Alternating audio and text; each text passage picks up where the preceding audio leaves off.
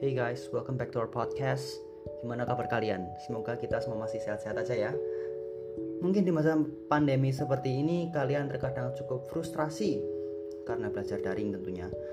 Tapi kalian harus selalu semangat ya. Nah, di podcast kali ini aku dan juga teman-temanku ingin sedikit menceritakan tentang kondisi pemerintah di Indonesia selama masa pandemi. Lalu kami juga ingin memberikan beberapa informasi mengenai kebijakan pemerintah di tengah pandemi. So, here we go.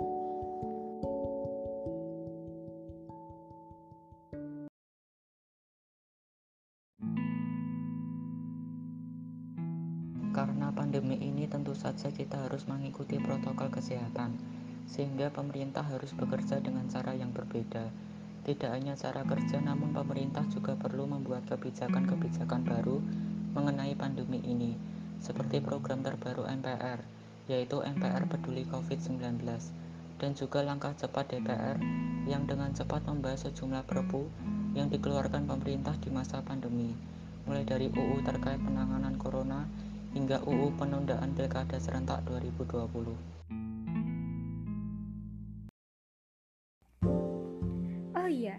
Kalian tahu nggak guys? Kalau sebenarnya karena COVID-19 ini, pemerintah pusat dan pemerintah daerah tidak kompak loh dalam menangani pandemi.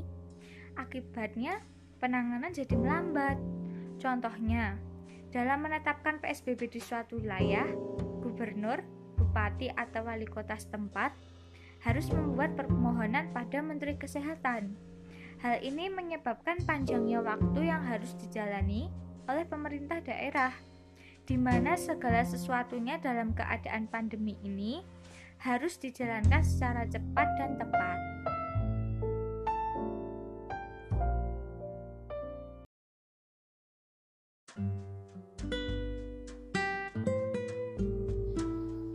That statement actually reminds me of a story. Uh, it was a story about a mouse deer, if you're familiar with it. Once there were a mouse deer that was trying to steal a farmer cucumbers. You know, kancil mencolong timun. I do say so myself. Basically, the story is about this mouse deer who was trying to steal the farmer's cucumbers, but then got caught in the farmer's trap, but eventually got, a, got out of the trap by treating the farmer's dog into replacing his place in the trap.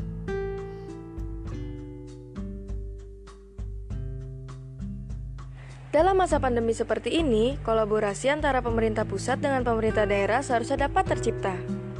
Kolaborasi sangat penting karena pemerintah daerah lebih memahami kondisi sosial kemasyarakatan, budaya, geografis, dan segala aspek yang terkait di daerah mereka. Sehingga mereka dapat merumuskan strategi yang tepat untuk melawan pandemi ini untuk masyarakat.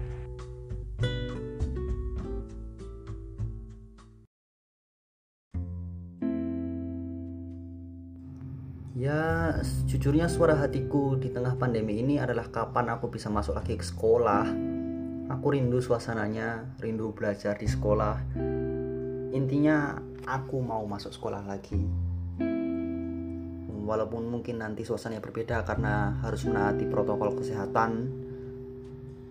Oh iya, menurut kalian gimana nih kalau Pilkada 2020 diadakan? Kemarin aku sempat membaca berita kalau di masa pandemi ini Indonesia memilih untuk tetap melanjutkan agenda Pilkada 2020. Pelaksanaan Pilkada ini menimbulkan pro dan kontra di masyarakat loh. Karena Pilkada dianggap sebagai momen perkumpulan yang bertetanggan dengan protokol kesehatan, namun juga penting untuk melanjutkan pemerintahan di lingkup daerah.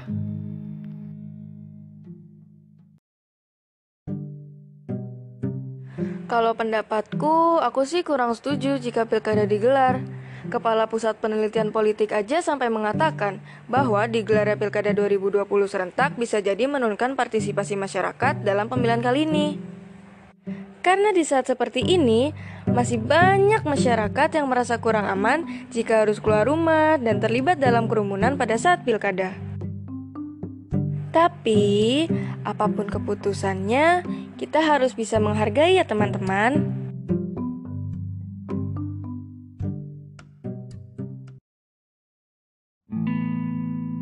COVID-19 ini seperti mengingatkanku tentang cerita Nabi Musa.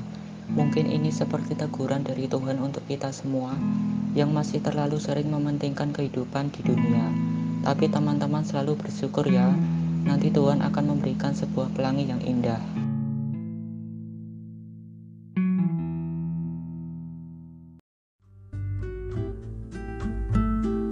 Nah, itu tadi beberapa informasi yang ingin kita sampaikan kepada para pendengar podcast kami.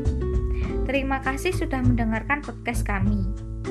Pesan kami kepada kalian adalah selalu patuhi protokol kesehatan dan kebijakan-kebijakan pemerintah ya. Sekian dari kami. Terima kasih dan sampai jumpa lagi.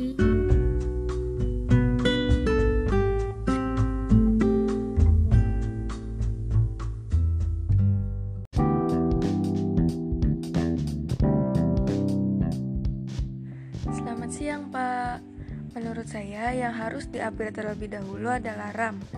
Karena kebutuhan dari user tersebut adalah untuk bermain game dan untuk desain atau editing. Untuk RAM 4 GB akan keberatan untuk menampung game atau aplikasi-aplikasi seperti Adobe atau sebagainya untuk desain dan editing. Jadi, lebih baik yang di-upgrade terlebih dahulu adalah RAM. Cukup sekian penjelasan dari saya. Terima kasih.